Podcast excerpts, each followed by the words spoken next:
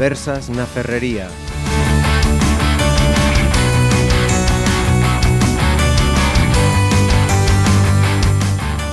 Saludos, entramos en otro programa más de estas eh, conversas na ferrería y hoy hemos puesto la atención en un centro hospitalario, en el Hospital del Salnes. Motivo, pues las eh, prácticas, eh, el proceder que están llevando allí en el área de obstetricia. Y es que en 2015 y este 2016 han sido premiadas, reconocidas precisamente por una serie de buenas prácticas en el parto, unas prácticas que todo un eh, equipo, algunas de estas matronas nos acompañan hoy aquí en los estudios de Pontevedra Viva Radio, han, realizado unos estudios, los han expuesto, los han presentado esas convocatorias que anualmente hace el eh, Ministerio y han sido reconocidas. Así que, en primer lugar, lo que me toca es eh, felicitar a María González e Inés Blanco, que son las dos matronas del Hospital del Sanes, de este equipo de obstetricia que hoy nos acompañan. Gracias. Muchas gracias.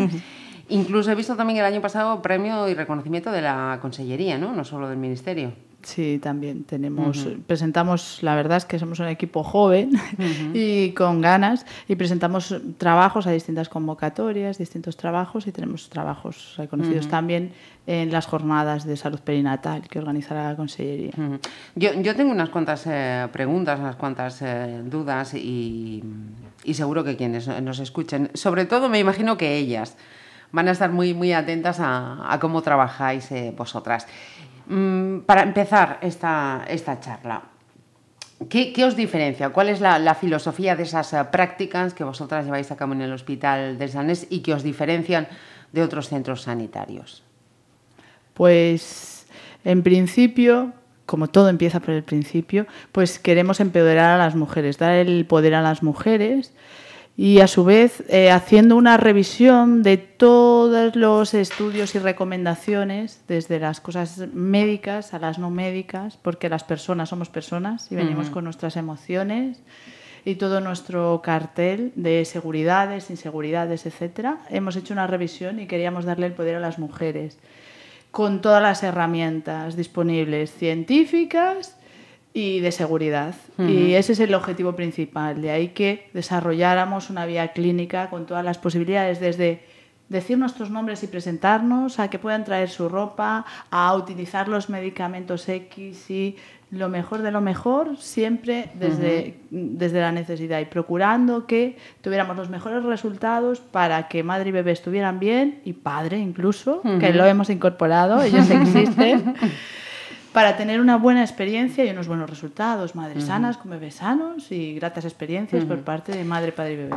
Es decir, eh, si, lo, si lo he entendido bien, que el parto sea, eh, vamos a decir, la cosa, si me lo permitís, más natural posible y no sea algo como mm, clínico, hospitalario, algo relacionado, pues eso, con algo enfermo, no, nada, lo más natural y, normal posible. Bueno, sobre todo además que, que ellas tienen la posibilidad de elegir un poco qué es lo que quieren utilizar, sabiendo lo que tienen a su alcance, pues, pues, bueno, pues esto quiero utilizarlo o no. Que quieres un parto totalmente natural, que no quieres eh, ningún tipo de analgesia medicamentosa, por ejemplo, bueno, pues tienes esa opción. Que sí que la quieres, pues también la tienes. Es uh -huh. decir, teniendo en cuenta también lo que ellas quieren de su parto y cómo lo quieren vivir. Nosotros uh -huh. estamos ahí para acompañarlas y ayudarlas, ¿no? Pero, pero no deja de ser su parto. Uh -huh. Porque, eh, por lo que he leído, yo no soy madre, con lo cual eh, hablo de, de, lo que me cuenta y de las experiencias de mi alrededor que, que he ido eh, conociendo.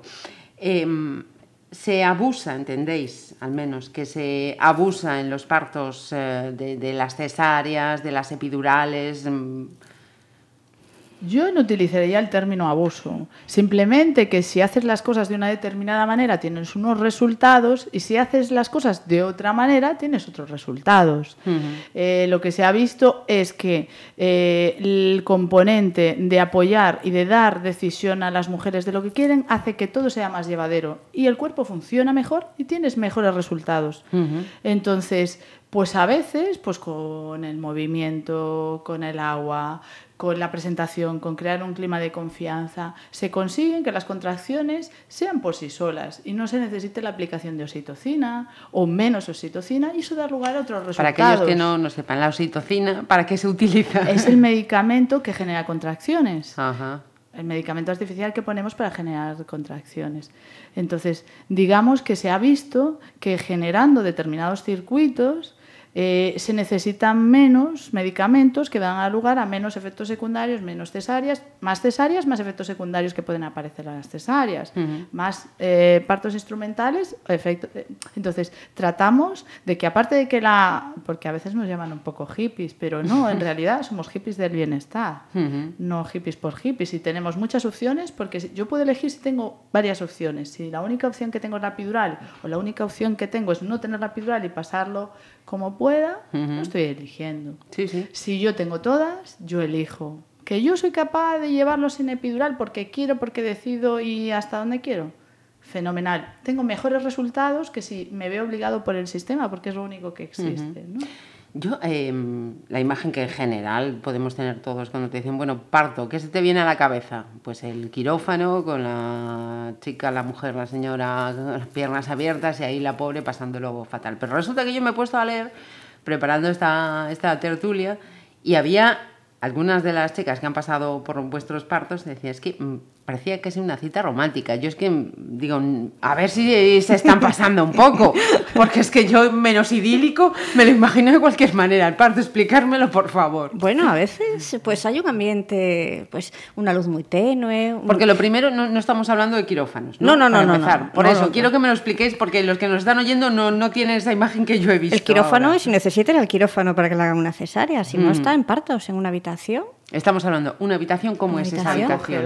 Una habitación, bueno, en estos momentos además que ya estamos en la zona nueva, estamos fenomenal, una habitación amplia, acogedora, con posibilidad de que la luz sea tenue, con posibilidad de, de poder, eh, bueno, ponerte en la postura que quieras porque tenemos espacio, tiene la bañera por si quiere utilizarla para alivio del dolor, eh, Música, pelotas, música, tenemos velitas. Entonces, cuando decías esto de romántica, Sí, pues sí. que cuántas veces la mujer se quiere meter en el agua, se mete en el agua, poquita luz, encendemos las velas. Y dices, bueno, pues sí, parece un poco romántica. En fin, la pero bueno, que realmente es un ambiente muy tranquilo. Es una forma de definir y de ver y de sí. vivir ese momento A completamente ver, es que es un momento muy especial, ¿no? Y a veces sí, sí, hay partos que son eh, de mucha tranquilidad, ¿no? Mucha serenidad, sobre todo, ¿no? Y eso ayuda a que, el, Ajá. a que el parto transcurra con menos complicaciones. O sea, ese espacio, ese ambiente, em, estáis diciendo que, que sí que ayuda, que hace que un parto sea diferente. Eh, ¿Diferente vamos- de qué manera? O sea, porque me imagino que los- el dolor y las contracciones tienen que estar ahí. Eh, Ahora, ahora vamos a explicarlo científicamente. Venga. Hemos hablado de la parte romántica, ahora vamos a traducir la parte romántica a la parte científica. Resulta que bajar la luz tiene una explicación aparte del romanticismo que nos gusta, que es que eh, a menos incidencia de la luz sobre la retina y sobre los- las fases cerebrales se produce más oxitocina. Se disminuyen los índices de adrenérgicos, adrenalina y otros derivados que ponen en situación de estrés y que hacen que el parto se detenga. Entonces hay que bajar las luces. Vale. Por eso también los partos son más y se inician más durante la noche.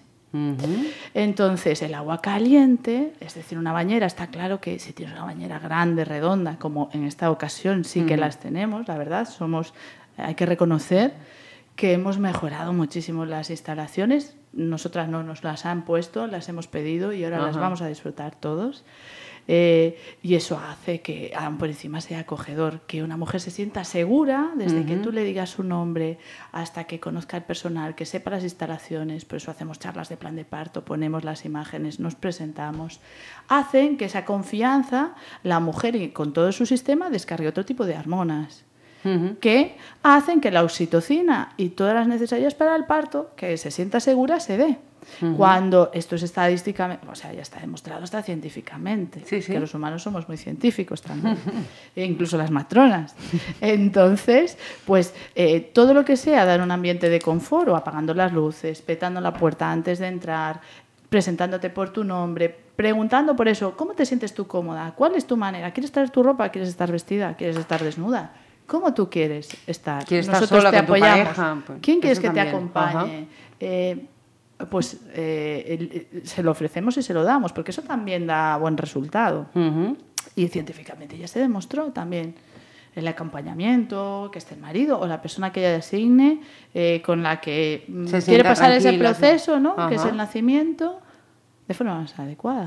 Entonces, científicamente demostrado. Ya Michel Oden, que es un gran ginecólogo reconocido, la cientificación del amor, publicó muchos libros Ajá. estudios. Estamos hablando de las madres. ¿Y, y los bebés? ¿También los notan? ¿También repercuten en ellos? Claro, vamos, eh, desde luego si el parto transcurre de la manera más fisiológica posible, tenemos que intervenir de manera artificial, digamos, lo menos posible, el resultado siempre suele ser mejor, no solo para la madre, también para el bebé.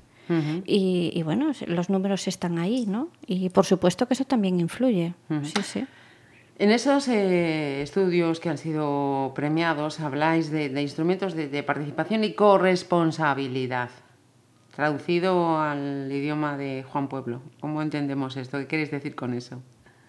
Pues eh, estos instrumentos se refieren, por ejemplo, al plan de parto, que consiste en, que las mujeres tengan un montón de información y posibilidades y que nos las hagan llegar, que haya no justo el día del parto cuando tienen contracciones y no es el momento de hablar y de ponernos de charla, sino previamente nos conozcan, sepan todas las posibilidades que hay, eh, que nos digan, que luego lo cubran, es un instrumento que tenemos en formato hoja, ¿no? formato que se llevan, que se le explica, que luego vienen con su pareja, todo en pareja. Y luego nos entregan, pues a mí me gustaría esto, ah, pues de todas estas cosas que oye, yo dudo esto, pero esto cómo sería, y lo otro que tengan toda esa información a su disposición para que luego puedan usarla en el momento. Oye, pues voy a empezar por esto, pues no lo otro, pues me llevo esto para acá, que lo hagan suyo. Cuando llegan a ese momento del parto, ya saben a lo que se enfrentan, a lo que hay, ¿no? Como todo, es miedo cuando te enfrentas a algo nuevo, o ya van, como decíais, ya preparadas y sabiendo qué es lo que va a pasar. A ver, la mujer que no ha parido nunca siempre dice, bueno, yo pienso que quiero esto. Luego, pues a- efectivamente, a lo mejor nos trae el plan de parto y muchas cosas que ha elegido, a lo mejor llega el momento y dice, anda, pues yo pensaba que iba a estar a gusto aquí o haciendo esto y ahora resulta que quiero todo lo contrario. Bueno, que sepas que también puedes elegir esto. O sea. Eh, lo bueno es que sepan todas las opciones que tienen, que sepan que pueden elegir y además que se informen y que tengan una información y que se informen en, en lugares en donde realmente le dan una información veraz y científica y, y que ellos sepan para que puedan elegir. que, no, que, que sepan que no es un proceso de decir voy al hospital, ya sé que entro por la puerta y ya me dejo, porque ya se encargarán ellos de hacerme lo que quieran. No, no se trata de Que eso. sea parte activa. Claro, de- claro, es que es ella la que va a parir. Y hay muchas cosas que se pueden elegir. Y bueno, pues esa opción la tienen, ¿no? Y mm, incluso he leído también lo de cortar el cordón, que también dejáis más, más tiempo. ¿Eso por qué se hace? También, ¿qué, qué, qué explicación, ¿qué explicación tiene? Pues mira, eso se, refiere al pinzamiento del cordón, que puede ser tardío o temprano. Han cambiado las prácticas, incluso se han hecho estudios y se han cambiado las prácticas en los últimos años que demuestran que la forma más efectiva para el bebé, la más adecuada es el pinzamiento tardío. Es que una vez que nace el bebé, existe la conexión, sigue el cordón y la placenta dentro de la madre funcionante durante un tiempo, minutos, en cada bebé es diferente. Digamos que ese cordón sigue funcionando, le sigue pasando la sangre con el oxígeno y toda la alimentación, porque cuando nace el bebé cambia de mecanismo de estar sumergido en un líquido a, a empezar a respirar aire y oxigenarse por sí mismo. Digamos que es un plan B, para que se entienda, de sostén el propio el sangre de cordón pasándole ese aire, ¿no? ese oxígeno y esos nutrientes todavía durante unos minutos, para que en esos minutos, no al segundo de nacer, tenga que adaptarse sí o sí al 100% y darlo todo. Digamos que es un plan B de reserva que se mantiene. Y los estudios dicen pues, que el pinzamiento tardío, esperar a que deje de funcionar por sí solo, ese cordón se colapsa y deja de funcionar y luego se desprende la placenta, es bueno porque hay más cantidad de sangre dentro del propio bebé menos índice, traducido así al científico, índice de anemia es menor en el primer año y mejor estado inicial de los bebés. ¿Por qué? Porque tienen, respiran por sí mismos y por encima tienen el aporte extra de la sangre oxigenada sí o sí que va por ese cordón, de, que, que sigue haciendo su trabajo a través de la madre. Y, y el hecho de, de esos eh, partos eh, con inmersión en, en- en el agua, ¿no? Me- me estoy, estaba pensando yo ahora, ¿no? Sí, sí, el bebé durante nueve meses ha estado en un medio líquido. Me imagino que si al nacer sale y va también a otro medio líquido, también será menos, mm, no sé qué palabra utilizar, menos impactante o menos mm, fuerte para él. No sé, no acabo de encontrar la palabra para... Sí, bueno, lo que está claro es que del, del líquido va a tener que salir, ¿no? Entonces, bueno, no lo hace de manera tan Claro, brusca. está en agua calentita y tal, y que pero- salga también en otro medio que, que también es líquido Sí, y sí. calentito. imagínate. A ver, que, que, bueno, luego en el agua pues nacen algunos bebés, pero Ajá. bueno, sobre todo el objeto del agua es que, que, mm, que la mujer lleve las contracciones lo mejor posible, ¿no? Sobre todo el efecto analgésico, ¿no? Que hay mujeres que dicen, ah, no, yo quiero tener el bebé en el agua, luego resulta que a lo mejor salen de la bañera porque llega un momento que dicen, no, no, ya no quiero estar aquí, mm, prefiero salir, ¿no? O sea que, no, o sea, el objetivo de tener la bañera no es decir es que eh, para que puedan parir en el agua, bueno, para que puedan utilizar el agua como consideren que tienen que utilizarla, ¿no? Y, y bueno, luego pues nace el bebé en el agua, mm, realmente es muy poquito tiempo, luego ya enseguida sale y lo que no se puede es que salga y volver a sumergirlo que, otra que vez. no le, que no le separáis también, ¿no? Está muy Ah, no, claro. en contacto con el... Claro, igual, o sea, así como sale, se lo ponemos a la madre encima, tapamos, que no se queden fríos y que siga latiendo el cordón. Que, que no le, también leía, porque vamos, estaba empapando, nunca mejor dicho yo con este Muy bien, muy bien. que no se le quite la grasita, ¿no? Al bebé cuando nace. ¿Por qué? Porque ese vermis le- les protege, es el que, el que hace que, estando sumergido en un líquido durante un montón de tiempo, su piel no se vea arrugada ni deteriorada. Si nosotros ahora metemos en agua las manos, no podemos estar una semana.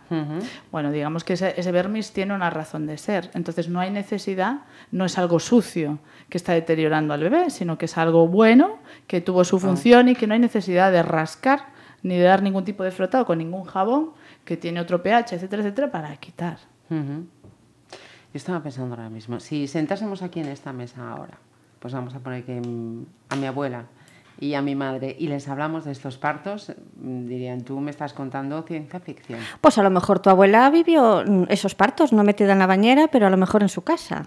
A ver, en su casa no le iban a estar poniendo citocina en vena, ni No, no, le iba- desde luego. A mi madre seguramente sí. A tu madre eh, ya es otra época, pero a tu abuela, pues a lo mejor diría, ah, claro, sí, sí, sí, no, en el pueblo cuando se venía, se ponía una de parto, venía una y no sé qué. O sea, ¿y, ¿y qué hacían con ella? No la ponían como el ginecólogo y no sé qué, ¿no? De ponerla con las piernas arriba. y- Vosotras, en vuestro caso, no, no estáis recomendando que la gente para, como, como por ejemplo las abuelas, ¿no? En su casa, con tal, no. No, no. en no. los centros hospitalarios ahora mismo tienen los medios y las condiciones para garantizar esto.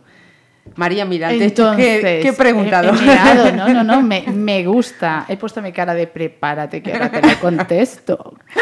Mira, no, nosotros recomendamos que apliquemos todo lo mejor que tengamos. Entonces, el parir como las abuelas, si eran abuelas que parían bien y fenomenal y estaban fantásticas, ese parir es. No las que estaban en un padecer, pasaban tres días y las pasaban canutas porque no había otra cosa. Hay que diferenciar muy bien esas cosas. Entonces, hay abuelas que dirán, pues normal, yo parí, estupenda, mira, tengo siete hijos y mira, ya estaba no sé cuánto, entonces entiendo que pues fenomenal. Y si las acompañan un poco, pues me lo pido. Pena que no me lo puedo pedir más. Pero hay otras que lo pasaron mal porque mm, al fin y al cabo estamos en un hospital porque esto todo mientras va bien y es un parto normal, lo damos todo y tienes todo donde elegir. En el momento en que algunas circunstancias se tuerce, porque a veces se tuercen a pesar de todo, estamos ahí para aplicar otros medios medicamentosos, los que haga falta, Sí. para solucionarlos y que todo salga lo mejor posible. No lo olvidemos. Es decir, ahora estamos hablando de parto normal y de aplicarlo para tener la mayor incidencia de partos normales. Pero hay una incidencia X de partos que se desvían de la normalidad y que hay que aplicar, por supuesto, todo lo que tenemos. Eh, con educación, con información, y puedes tener un parto maravilloso y ser una cesárea, una ventosa. Puede haberse ne- necesidades de aplicar lo que haya que aplicar. Eso no quita. En ningún momento nosotros queremos, porque empezamos a hablar de lo romántico, que nos encanta, pero lo científico está ahí. Por eso estamos en hospitales y estamos. mm, mm, ahora lo contamos y venimos aquí a contarlo. Esto es un ambiente de celebración. Estamos contentas, pero hay un trabajo detrás, hay un respaldo científico. eh, son muchas las cosas. Y claro que los partos han cambiado y pueden ser, y queremos que sean eventos maravillosos, porque hoy también los hijos que tenemos es porque lo decidimos, en su caso. Entonces, que podamos participar, que no esté puesta la mujer por el ayuntamiento, que no, porque es su cuerpo, son sus decisiones, y nosotros queremos acompañar a las mujeres. Y que sepan que si algo se tuerce, vamos a estar ahí, se lo vamos a decir y vamos a, a vamos, que sí o sí a llevarlas para que salga todo lo mejor posible. Entonces, viva el romanticismo, pero también viva... Con los pies en la tierra. Claro, viva también lo necesario. Con los pies en la tierra. Eh, otra cuestión eh, que también da mucha controversia, el Hospital de Salnes eh, también está declarado amigo de los niños, por el tema además de la lactancia, y por ahí quería encaminar ahora.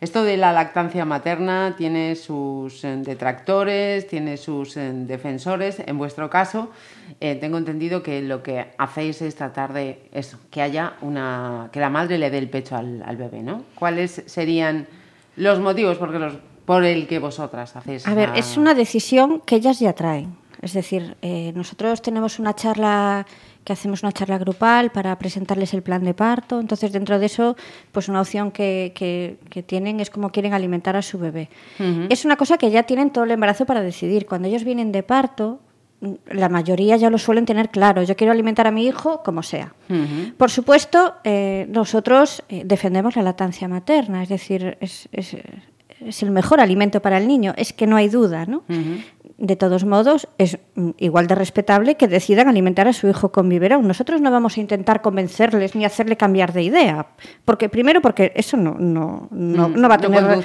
no va a tener éxito ninguno. ¿no? Uh -huh. Entonces, sobre la decisión que has tomado, tú quieres eh, alimentar a tu hijo con leche materna, pues nosotros estamos aquí para ayudarte todo lo que podamos. Y eso es lo que hacemos. ¿no? Uh -huh. Y, y, entonces ahí, ahí está todo nuestro apoyo, tanto de las enfermeras como las matronas, como bueno, todo el personal que esté trabajando con la mujer ¿no? y que esté a cuidado de la mujer y del niño. Y, y, bueno, no es decir, es que, claro, vienen a París, nosotros le queremos convencer, de entrada ese no es el momento, ni, ni intentamos hacerle cambiar de opinión. Uh -huh.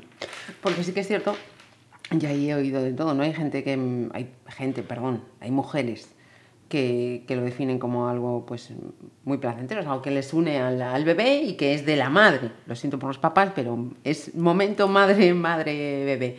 Pero también hay mujeres que, que lo han descrito como algo muy doloroso, o sea, pasarlo realmente mal. A ver, el primer mes pues es trabajoso y el bebé come muchas veces al día y a la noche y, y bueno, y que eso solo lo puede hacer la madre, lógicamente. Uh -huh. Y hay bebés que se agarran muy bien desde el principio y tienen un agarre estupendo y enseguida maman bien, pero requiere también un aprendizaje. No, no es todo instintivo, ¿no? Decir, uy, deja el instinto que funcione. Bueno, sí, pero una parte también es aprendizaje. Y hay bebés que le cuesta más abrir bien la boca, colocarse bien, que eso es lo que produce dolor, produce las grietas y para ahí es donde tenemos que incidir, en enseñarle, mira cómo uh -huh. tienes que colocarlo, cómo debe de abrir la boca, etcétera, etcétera, ¿no?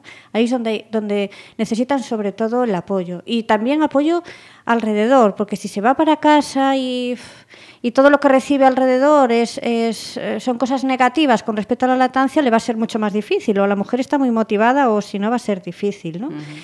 Y, y, pero bueno, también tienen grupos de apoyo a la lactancia, en fin, que son muchas cosas que influyen, ¿no? pero que está claro que mmm, si uno no está convencido, pues a veces puede decir, buf, es que me rindo, ¿no? Uh -huh. Tengo una manera más sencilla de alimentar a mi hijo, ¿no? Que eso uh -huh. nos han enseñado. Vemos lo que come porque lo estamos viendo en un biberón y, y esto me resulta mucho más cómodo. Bueno, mmm, pues se trata un poco de que ellas vean cómo tener confianza de que lo están haciendo bien, de que están alimentando bien a su bebé, que al principio es normal, bueno, pues que, que los pezones estén más sensibles y tal hora de ahí a sentir uh -huh. un dolor horrible, pues ahí está pasando algo, es que sí, es sí. sobre donde hay que actuar, uh -huh. ¿no? Yo tengo que reconocer ahora que estamos así hablando las tres que no se oye nadie. Nadie, nada, nada. Cuidado, secreto. Que lo del sacaleches es que me parece horroroso. Impresiona. Sí. De verdad, una cosa tan simple, digo yo, pero qué horror. Sí, sí, pero bueno, está claro que hay eh, circunstancias en las que qué bien que tenemos un buen sacaleches. Es que ¿no? tú lo ves desde una postura donde no lo necesitas. Cuando lo necesitas, sí. dices tú, alabado sí. sea que lo han inventado. Uh -huh.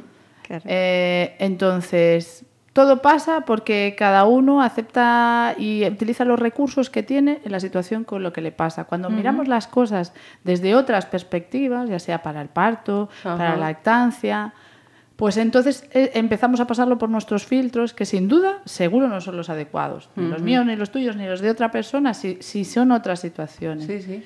Entonces, es como la famosa frase de sacar las cosas fuera de contexto. Es eso. Ajá. Pero sin duda son necesarios algunas veces y bienvenidos sean. Sí, no, todo lo que sea ayudar. Pero te- voy a tener que empezar a aprender a mirarlo con, otra, con otra perspectiva, porque de momento.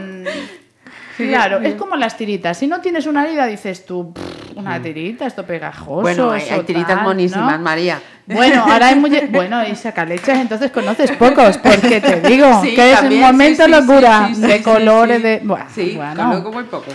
Eh, entonces, cuidado, la tecnología apunta a lo que avanza. Bueno, pues estamos hablando con, con dos ma- matronas del Hospital del Sanés, María González y Inés, Inés Blanco. Después de todo esto que, que estamos eh, hablando, me imagino que todo esto lleva también una, una filosofía pareja, ¿no? Y es otra manera de ver a las matronas. Hombre, sí, la verdad, pasamos de una imagen, mira, yo soy joven, porque no me veis, pero soy joven. Es joven, doy fe. Y, aunque ya llevo unos añitos somos, así, somos. eh, unos añitos en la obstetricia y cuando empecé de matrona me decían, pero una chica tan joven y guapa, cuidado, tan guapa dedicándose a esto de los partos, que esto es un mundo. Tenía una imagen matrona, pero si son todas gordas y mal encaradas y te dicen cosas feas, lo mínimo, vamos. Y de verdad, que me lo, lo decían así, que yo, la verdad, yo quedaba sorprendida y digo, bueno, ¿qué me decís? Las propios pacientes y tal. Y si había necesidad, evidentemente, la sociedad cambiando, todo cambiando, evolucionando, de cambiar el aspecto, el enfoque que se le estaba dando a los cuidados de las madres, porque llegó nueva tecnología, estudios, eh, que hacía las cosas más sencillas, que el trato es importante, que estamos tratando con personas, no es te pongo un suero, no es eh, llegas aquí, esto es mi casa y tú ya veremos.